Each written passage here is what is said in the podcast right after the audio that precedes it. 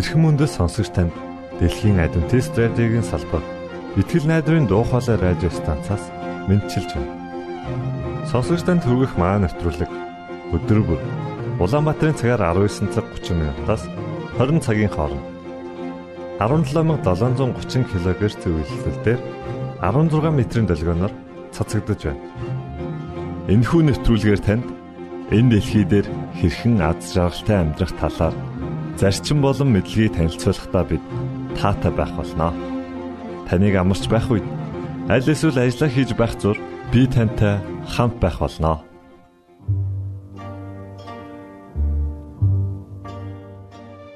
Өнөөдрийн нэвтрүүлгээр танд сэтгэл минь эзнийг магтахтун гэсэн Алтан цавиагийн зохиосон гайхамшигтай магтаалык сонсгох болно. Үүний дараа өөрийгөө балан дагуулагч болгон хөгжүүлэх цуврал нэвтрүүлгийг танд хүргэнэ.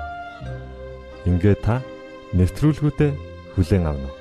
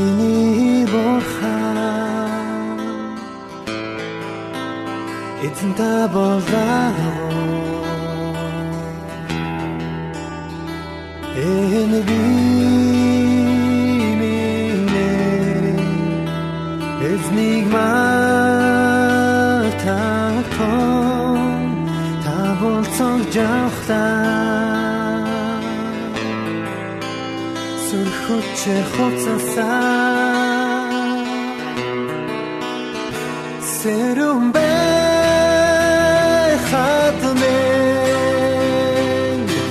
Танат та хамт байдаг тоо Сэкэт мэн таны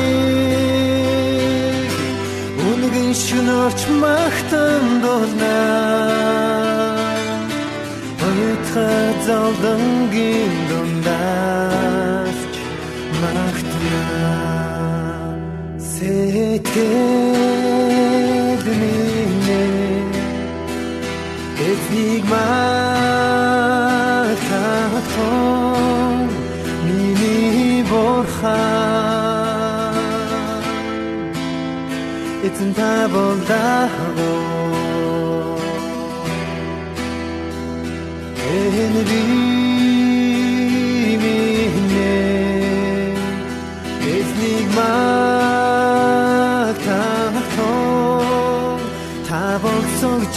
жавхлаа сүрхүчээр хоцсоо сэрүм бай хатмээ хамт байдаг тул сэкэт мэн таны үнэн шинорч махтан дурна Ойтхар золдангийн дондаас махтана Сэрүм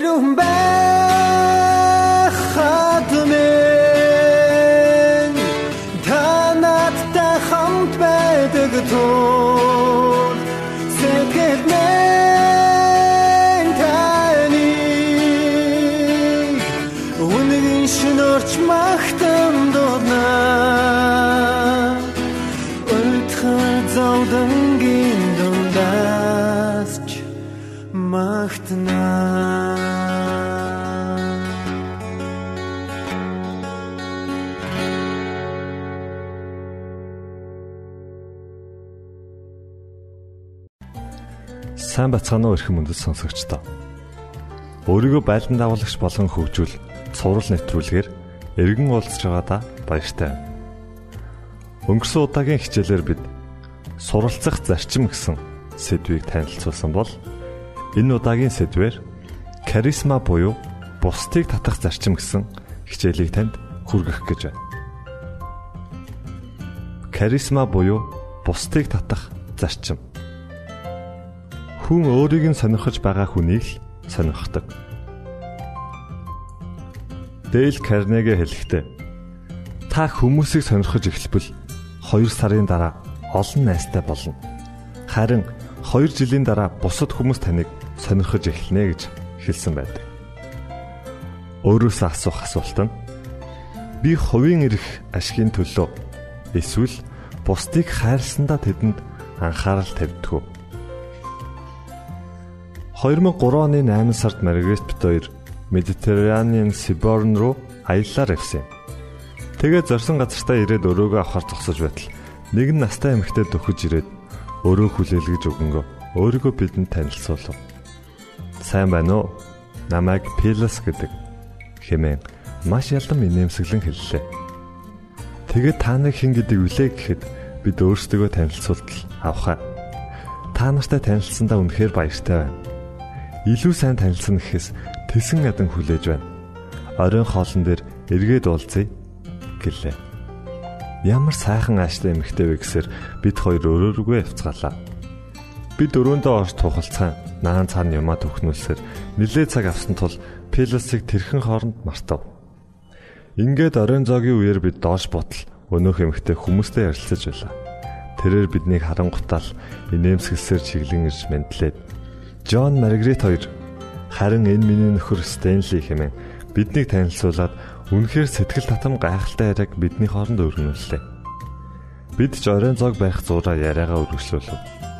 Та юу хийдэг вэ гэж түүнийг асуухад би би зохиолч мөн лектор хөө гэтэл тэр надад их сонирхолтой санагдаж байна.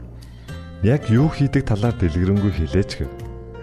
Би түүнд өөрийнхөө талаар танилцуулж болох бүх зүйлээ хэлж Түүний сонирхсан асуултад хариулан нилээд ярилцав. Тэр үргэлжлүүлэн Маргареттэй ярилцаж нилээд сонирхолтой сэдв болох урлаг, уран зураг, эртний үн зүйлсийн талаар ч ярилцаж амжлаа. Дараа дараагийн өдрүүдэд би Пелас Стенли хоёр 100 хор орчим үйлчлүүлэгчдийг усан онгоц дээрээ хүлээн авч өөрсдөө танилцуулж хэрхэн харилцаж байгааг анзаарлаа.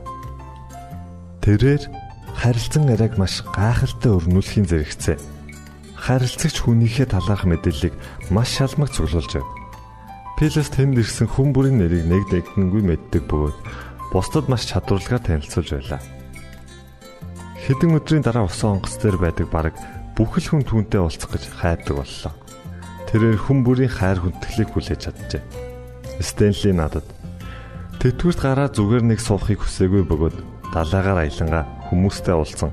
Тэдний амьдралыг сонирхож баяр хөөргийг нь хуваалцахаар шийдсэн гэдгээ ярьсан юм. Тэр үнэхээр гайхамшигтайгаар цаг мөчийг өнгөрүүлж байлаа. Бидний аялал дуусах үед Маргарет хоёр тэдэнд маш их талархаж байгаагаа илэрхийлтэл тэрээр Пелес болон Стенли Хагс та нарын найзууд гэсэн бичгтээ гэрийн хаяг усан онгоцны логотой өөрийн нэрийн хуудас өгөв. Түүнээс хойш Пелес бид рүү имэйл илгээж Флоридад манай дахин зочилж ирээрэй гэж урих боллоо. Пелес бол миний өмнө хизээж уулзч байгаагүй каризма буюу бусдыг өөртөө татах агуу чадвартай хүн байсан. Тэр бол бусдад харилцах урлагийн мастер хөв. Энэ зөвхөн гадна талын хэв маяг төдий зүйл байгаагүй юм. Түүний нууцсан чухам юунд байсан юм бол Гэвч энэ байдал нь аав маань надад заасан Дейл Карнеги нэгэн хичээлийг өөрийн ашиггүй санагдуулсан юм. Энэ нь чи хүмүүстэй уулзаж байхдаа хизээч өөрийгөө бус харин тэднийг сонирхож бай гэсэн амьдралын нэгэн чухал үнэн байсан.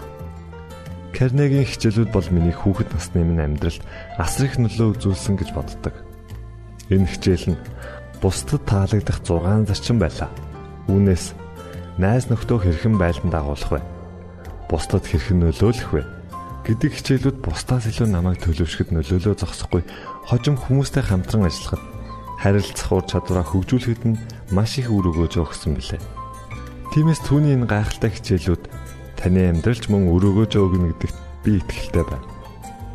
Энэхүү хичээлийн төлөө би Дэл Карнегт их талархдаг. Түүнээс суралцахыг хүсвэл та дараагийн хэсэгт анхаарлаа хандуулно. Нэгт бусад хүмүүсийг чин сэтгэлээсээ сонирхож бай. Вашингтоны хамгийн том зочид буудлын эзэн Перли Местагаас нэгэн хүн яаж ийм олон алдартай баян чинэлэг хүмүүсийг үдэшлэгтээ ирүүлж чадсныг нь асуужээ. Гэтэл Места Энэ бүхэн угтал болон үдэлтэнд байгаа юм гэж хариулав. Тэрээр зочин ирэхэд хүлээж байсан хүн маань ирлээ хэмээн огтон авч явхад нь ийм хурдан явах болсонд харамсалтай байна гэж хэлдэг байв. Харин миний хувьд сүүлийн 20 жилийн турш өөрийн амьдралдаа хүмүүс надад хэр их зэрэг анхаарал халамж тавих вэ гэдгээс илүүтэйгээр би хүмүүст хэр зэрэг анхаарал халамж тавьдаг вэ гэдэгт анхааран мөрдлөг болгож байгаа лээ. Өөрөөр хэлбэл би бусад хэр зэрэг их анхаарал тавина Тэд надад төдийшнээ анхаарал тавьж байдаг. Инхдээ бусдыг хэр зэрэг ирэх мэдлэлтэй, хэр зэрэг боловсралтай, хэр зэрэг чадвартай гэдгээс үл шалтгаална та эхлээд бусдыг анхааран халамжлах нь чухал юм.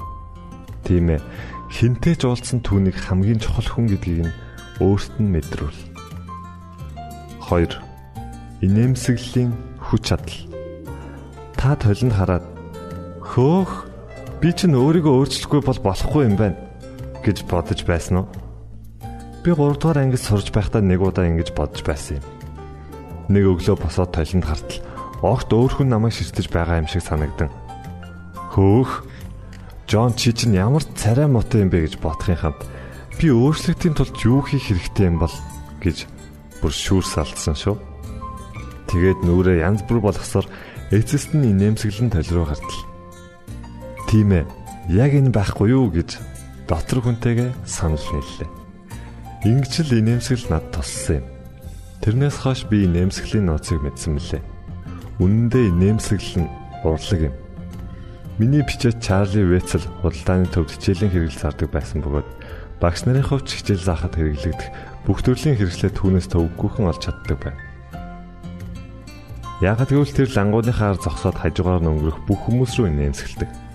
Тэгтэл өнгөрч явах хүмүүсийн нүд нь өөрийн эрхгүүл худалдагчийн борлуулж буй бараан дээр тусдаг юм. Чарли. Хүмүүс их сонин шүү.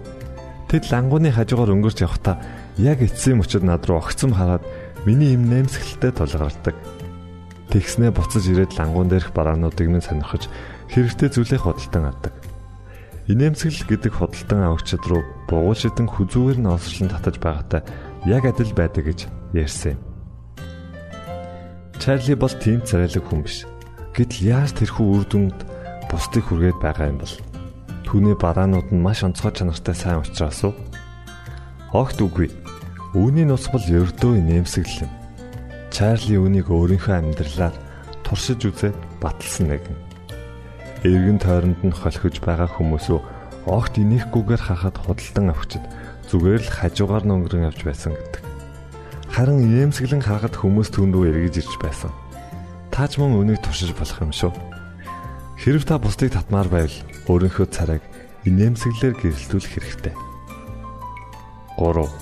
Хүмүүсийн нэрийг сайн тогтоож ийдгэр нэрийг нь дууд.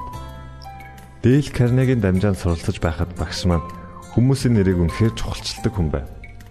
Түүний энэхүү чадвар нь надад маш сайхан сэтгэл төрүүлсэн төдийгүй бусдыг хэрхэн үнэлж байгааг сурсан юм.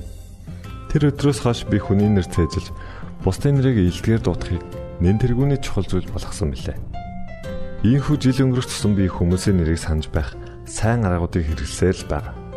Мөн хүний нэр гэдэг тухайн хүний онцлог шинжийг харуулж байдаг гэдгийг олж мэдсэн юм.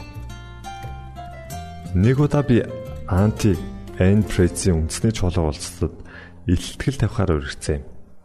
Тэгэд компани үүсгэн байгуулагчийг үнэхээр гайхалтай өдөрдөгч гэж магтан байгууллагын талаарч яриа өрнөлөв. Үүний зэрэгцээ Аунд Энистэй хамт байгаа. Үүний зэрэгцээ Аунд Энистэй хамт байгаа маань их гайхалтай байна гэтэл нэг хүн над руу ирээд "Хөөе Жон, Аунд Энис бишээ. Аунти энэ байхгүй юу?" хэмээн айжхан хэлв. Тэгт нь би ичиж би минь нэг их эвүүцэх шиг л болсон. Дараа нь би Эйн Джонс хоёрыг гэртээ оройн хоолндоо ороод тэднийг эргэтэн хүртэл нэрийг нь хольж сольж дуудсан хэвээр л байсан. Миний хувьд бусдын нэрсийг санаж байх үүднээс нэг арга хэрэгэлдэг. Томоохон чуулганд үйлчилж байхдаа би Хүмүүсийн нэг нэг бүршлэн тогтоохын тулд тэдний зургийг цуглуулав. 500 хүний нэрийг нэг бүршлэн тогтоох хэрэгтэй гэж боддоо. Тэгээд тэдгээр зургнуудынхаа өнцөгт нүхлээд нэрийг нь том гарахын тэлхлээ. Ингээд цүнхэндээ байн гарч явна нэрсүүдийг тогтоон цээжилдэг байлаа. Нэг өдөр найз минь хажууд ирээд чи юу хийгээд байгаа юм бэ гэж асуухт нь өө гэр бүлийнхнийхээ зургийг харж байна гэж хариултал. Хөөх ямар их хүмүүс вэ гэж уулаа алтлаа. Би зургаа эргүүлэнгээ тийм ээ. Одоо ач зэнараа л харах үлдэж байна гэж хариулв. Мэдээж таны хувьд бусдын нэрийг тогтоох илүү сайн арга байж болох юм. 4. Бусдыг сонирхож урамшуулахын тулд сайн сонсогч нь бол. Нобелийн шагналт Жорж Иллойд амин хуваа бодсон өөрийнхөө жижигхэн ертөнцөөс гараад хайлан халамжлах зүйлийг ирж хаа. Өөрийнхөө бодол санаа үйлдэлийг чухалчлахаас илүүтэйгээр эргэн тойрноо ажигл. Бусад хүмүүс хэрхэн амьдарч байгааг хар. Тэгээд тэдний аз жаргал, зовлон бэрхшээл, санаа зовнилыг сонирх хэмээн зөвлөсөн байдаг. Энэхүү зөвлөгөө танд ямар санагдаж байна? Тэгвэл хэрхэн бусдын зүрх сэтгэлд хүрэх вэ? Үнний хариулт бол та бусдыг чих тавин сонсох чадвар юм. Пилас хаагээс нь сонсох бэлэг авьяастай хүн билээ. Тэрээр надад миний ээж Лаураг үргэлж санагдуулдаг. Миний мэд хүмүүсээс хамгийн сайн сонсогч бол миний ээж юм. Гэхдээ зөвхөн миний ховч төдийгүй маш олон хүн түүнийг сайн сонсогч гэдгийг мэддэг. Нилээд хэдэн жилийн өмнө ээж минь Сиклевлийн Библийн сургуулийн намын санд ажилладаг байсан бөгөөд олон аран охид түүнийг байнга л ирж хайдаг байсан. Ээжийн минь хувьд бусдыг ихэд халамжлан сайн сонсогч нь байж чаддаг лээ. Маргаретийн хувьд ч намайг сонсдог чадвар нь түүнийг агуу хадам ээж болгосон гэж хэлдэг. Их Британий түүхэнд хоёр агуу ерөнхий сайд байсны нэг нь Уильям Гладстон, нөгөө нь Бенджамин Дизрали билээ. Нэгэн залуухан эмэгтэй тэр хоёртой оройн хол хамт идэх завшаан тохиожээ. Тэгээд уг эмэгтэйгээс хоёр эрийн талаар сэтгэлийг нь асуудал. Би Гладстонтай ярилцаж байхдаа тэрээр Английн хамгийн ухаантай хүн юм гэж бодсон. Харин ноён Дизраилтай ярилцсныхаа дараа би өөрийгөө Английн хамгийн ухаантай эмэгтэй юм байна гэж бодсон хэмээжээ. Тийм ээ. Та хүмүүстэй харилцахдаа Израиль шиг бусдын үн цэнийг мэдрүүлэн сонсож чаддгүй. 5. Бусдын сонирхлыг хөндөнд ярилц.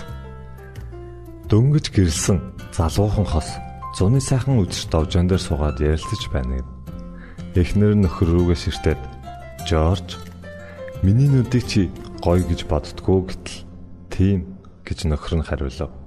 Төд удалгүй ихнэр хараа миний ус үнэхээр дур булаам уу гэтэл нөхөр нь мөн л тийм гэжээ. Дахиад хэсэг хугацааны дараа ихнэр харин минь миний биеийн галбжийг үнэхээр сайхан гэж боддгоо гэтэл нөхөр нь дахиад л тийм гэж хэллээ. Тэгтэл ихнэр нь ямар ч урамгүй болж хайрт минь дээ. Тийм ихээс илүү сайхан зүйлийг надад хэлж болдгоо юм уу гэжээ. Үндэ хөөрхий Жорж их нэртэй маш их хайртай боловч түүнтэйгээ хэрхэн яаж ярихаа огт мэддгүй л учир байв. Хүний сэтгэлийг татна гэдэг эрхэм чухал харилцаа тул нөгөө хүнийхээ сонирхлыг хөндөг яхад хүмүүр суралцах хэрэгтэй. Инхдээ хэн нэгэнтэй анх удаа уулзахдаа ч тэр гэр бүл болж дотн харилцаагаа улам бүр гүнзгийрүүлэхэд ч тэр Тони Александра бол цагаан алтан дүрмийн зохиогч билээ. Уншигч таны хувьд амьдралын бичигдээгүй нэгэн дүрмийг сайн мэдэх бах. Үүнд хүмүүс надад яаж хандна? Би бусдад яг тэгж хандна гэж. Харин цагаан алтан дүрмэнд хүмүүс танаас юу хүсэж байгааслан тэдэнд тийхүү хана гэж байдаг билээ. Өөрөөр хэлбэл та хүмүүст ямар ч дал санаагүйгээр тэдний сэтгэлийн хэрэгцээг олж хараад үйл гэдгийг хэлж байна. Инхдээ тэд ууртай байна уу? Танд дургүй байна уу? Инээж байна уу? Эсвэл өөлж байна уу гэдгээс үл шалтгаалan Хэрв та үнийг үйлдэж амьдрал хизээч буруу замаар будаа тавихгүй гэсэн үг шүү. 6. Мэдрэмж чухал тул чин сэтгэлээсээ ханд. Бусдын сэтгэл төрж буй мэдрэмж чухал гэдгийг доорх зүйлс танд хэлж өгнө. Сайн сонсогч болсон Пиласын хувьд энэ зөвхөн гадна талын үтсэнч байсангүй. Түүний хувьд хүн бүр эрхэм нандин тул бусдыг чин зүрхнээсээ хайрладаг байсан юм. Тийм ээ хүн бүр бусдын сэтгэл зүрхэнд үлдэх мэдрэмж болон үн цэнийг нь босгон байгуулахад суралцах ёстой. Кавет Робертс нь маш сайн хууш төдийгүй худалдааны ажилтан бөгөөд үндэсний илтгэлийн хороог үндэслэн байгуулагч юм. Нэгэн өглөө Роберт цонхороо хараад зогсож байтал 12 орчим насны туран хайртархүү хаалганаас хаалга дамжин номзарч байхыг ажиглжээ. Удалгүй хүү түүний гэрээ үүдэнд ирээ зогсов. Роберт их нэртэй хандан хардаа би энэ хүүд худалдаа яаж хийдгийг заах хэрэгтэй. Хэдэн жилийн турш харилцааны ном бичиж олон газар явж хэрхэн заа сургаж байснаа хүүтэй хуваалцъя. Түүний сэтгэлээр унаасаа гэж хүсэхгүй байгаа тул амьдралын хатуу хөтөг амсахаас нь өмнө би залж өгөх хэрэгтэй байна. Өнгөрсөн хугацаанд би маш олон арга барилаа эслийн чадвар сурсан. Тиймээс хүмүүстэй харилцах харилцаагаа хэрхэн бий болгосноо түүнд заана гэв. Ингээд Роберт хаалгыг тогшин зогсож буйд хүүд хаалга онгойлгонгоо. Би маш их завгүй хүн гэж тайлбарлаад түүний зарж байгаа номноос нэгийг нь авсангүй. Гэвч тэрээр би чам 1 минутын хугацаа өгье. Яг одоо би явах гэж байгаа тул хурдл хэлээ. Харин залуухан худалдагч Робертсын сүрдүүлэх тогтхон ч сандарсангүй. Харин ч буурал ус цэхэдэн рүү ширцснэ. Эрхмээ. Та өнөөх алдарт Каурт Роберт мөн гэж үү? хэмээн бахтангүй асуужээ. Түүний энэхүү асуулт Робертын зүрхэнд хурж сэтгэлд нь сайхан мэдрэмж төрүүлсэн тул тиймээ хүмүн оролдоо хэмээн гэртээ сэтгэл хангалуунаар урьжээ. Түүгээр цосгүй Роберт хүүгээс хэд хэдэн ном худалдаж авсан бөгөөд тэдгэр номноос алийг нь уншаагүй байлаа. Яагаад ном хөдөлж авах хүсэлгүй зүгээр л 1 минутын хичээл заах гэж байсан Роберт хүүгээс хэд хэдэн ном хөдөлж авахд хүрв. Яагаад гэвэл хүүгийн хувьд бусдын сэтгэл сайхан мэдрэмж төрүүлэх нь ямар их чухал вэ гэдэгт суралцсан тул үүнийг хийж чадсан мөлий. Үнэн дээр амьдрал гэдэг баян алдартай, хүчтэй, эрх мэдэлтэй хүний өмнө зогсно гэдэг тийм ч амархан хэрэг биш шүү. Зохиолч Маркус Бакинgham болон Дональд О. Клифтон нар энэхүү бусдын зүрхэнд гүнстгэл үлдээж байгаа чадварыг огцон мэрэгэл буюу бусдын сэтгэлийг байлдан дагуулах урлаг гэж нэрлэжээ. Тэрээр хүн бүрт бусдыг огцон мэргүүлэх чадвар байдаг бөгөөд энэ нь тэдний нэрийг зээжлэх, асуулт асуух, хамгийн дуртай зүйлийг нь хөндөнд ярих, харилцан ойлгослоо сайжруулах зэргээр суралцдаг. Түүнчлэн бусдыг байлдан дагуулах хүч нь хүний төрлөх хүч бөгөөд танд байж болно мөн байхгүй ч байж болно гэж тодорхойлсон байдаг. Миний хувьд тэдэнтэй санал нэг боловч хүн энэхүү чадвараа өсгөж бусдыг тавдах чадварыг өөрийн болоход суралцаж чадна гэдэгт илүү итгэдэг. Танаас огцон мэргэлт.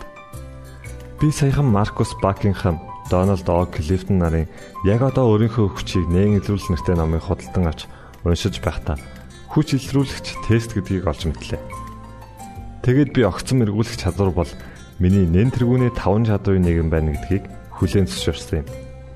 Миний хувьд үргэлжлэл хүний сэтгэл хүрч бусдыг байлдан дагуулахаар эргэлхийлж байдаг хүн. Гэвч би каризма буюу бусдыг татах чадварыг тэр бүр гайхалтай хэрэглэж чаддгүй. Яагаад гэдгээ хэлэх үү? Яагаад гэвэл дөнгөж сургууль төгссөн залуухан пастор хүн бүр сайхан сэтгэл төрүүлэх гэж баахан хичээж байхдаа зөндөө алдаа гаргасан би хүмүүсийг толгойлох зорилго агуулсан мэрэгчлэлний дүр тоглож байлаа. Учир нь би илүү ухаантай, илүү туршлагатай хүний нүдний шил зүгээд түүгээрээ бүгдийг харах гэж оролцсон. Харин өнөөдөр би өөрийгөө хэрхэн авч явах вэ гэдэгт зовниж байна. Инхдээ би зааж байгаа зүйлээ өөрөө суралцсаар л яв. Мэдээж хэн нэгэн сайхан сэтгэл төрүүлэхийн тулд биш л дээ. Би ийм арга барилаар ажиллаж амьдрах хэдийнэ болсон. Харин одоо миний хувь хүмүүсийг хайрлан халамжилж тэдэнд санаа тавин туслахыг хүсэж байна гэдгийг тэд мэдээсэй гэсэн хүслээр ажиллаж амьдарч байна. Хэрвээ та ийм байж чадвал эргэн тойрны чинь хүмүүс таны ирж байгааг харахтаа инээмсэглэн ухтах болно. Тийм ээ. Та өөрийнхөө жижигхэн ертөнцөөс гарч хараагаа өөрчил. Тэгээд бусдын сонирхлыг хөндөж нэгэн болох хэрэгтэй. Ингэснээр та өөрчлөгдөж амьдрал танд жинхэнэ баялгаа нээх болноо.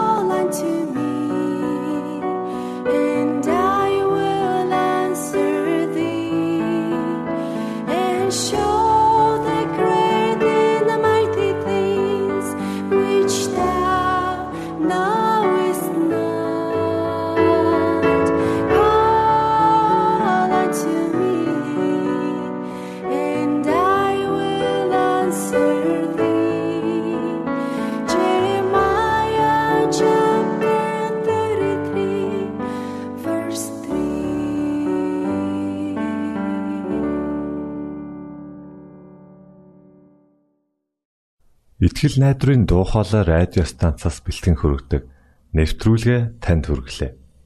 Хэрв та энэ өдрийн нэвтрүүлгийг сонсож амжаагүй аль эсвэл дахин сонсохыг хүсвэл бидэнтэй дараах хаягаар холбогдорой. Facebook хаяг: Satiin үсгээр Монгол заавад AWR Имэйл хаяг mongol@gmail.com Манай утасны дугаар 976 7018 24 9 Шуудангийн хаяг 16 Улаанбаатар 13 Монгол улс. Биднийг сонгон цаг зав аваад зориулсан танд баярлалаа. Бурхан таныг бивээх батугай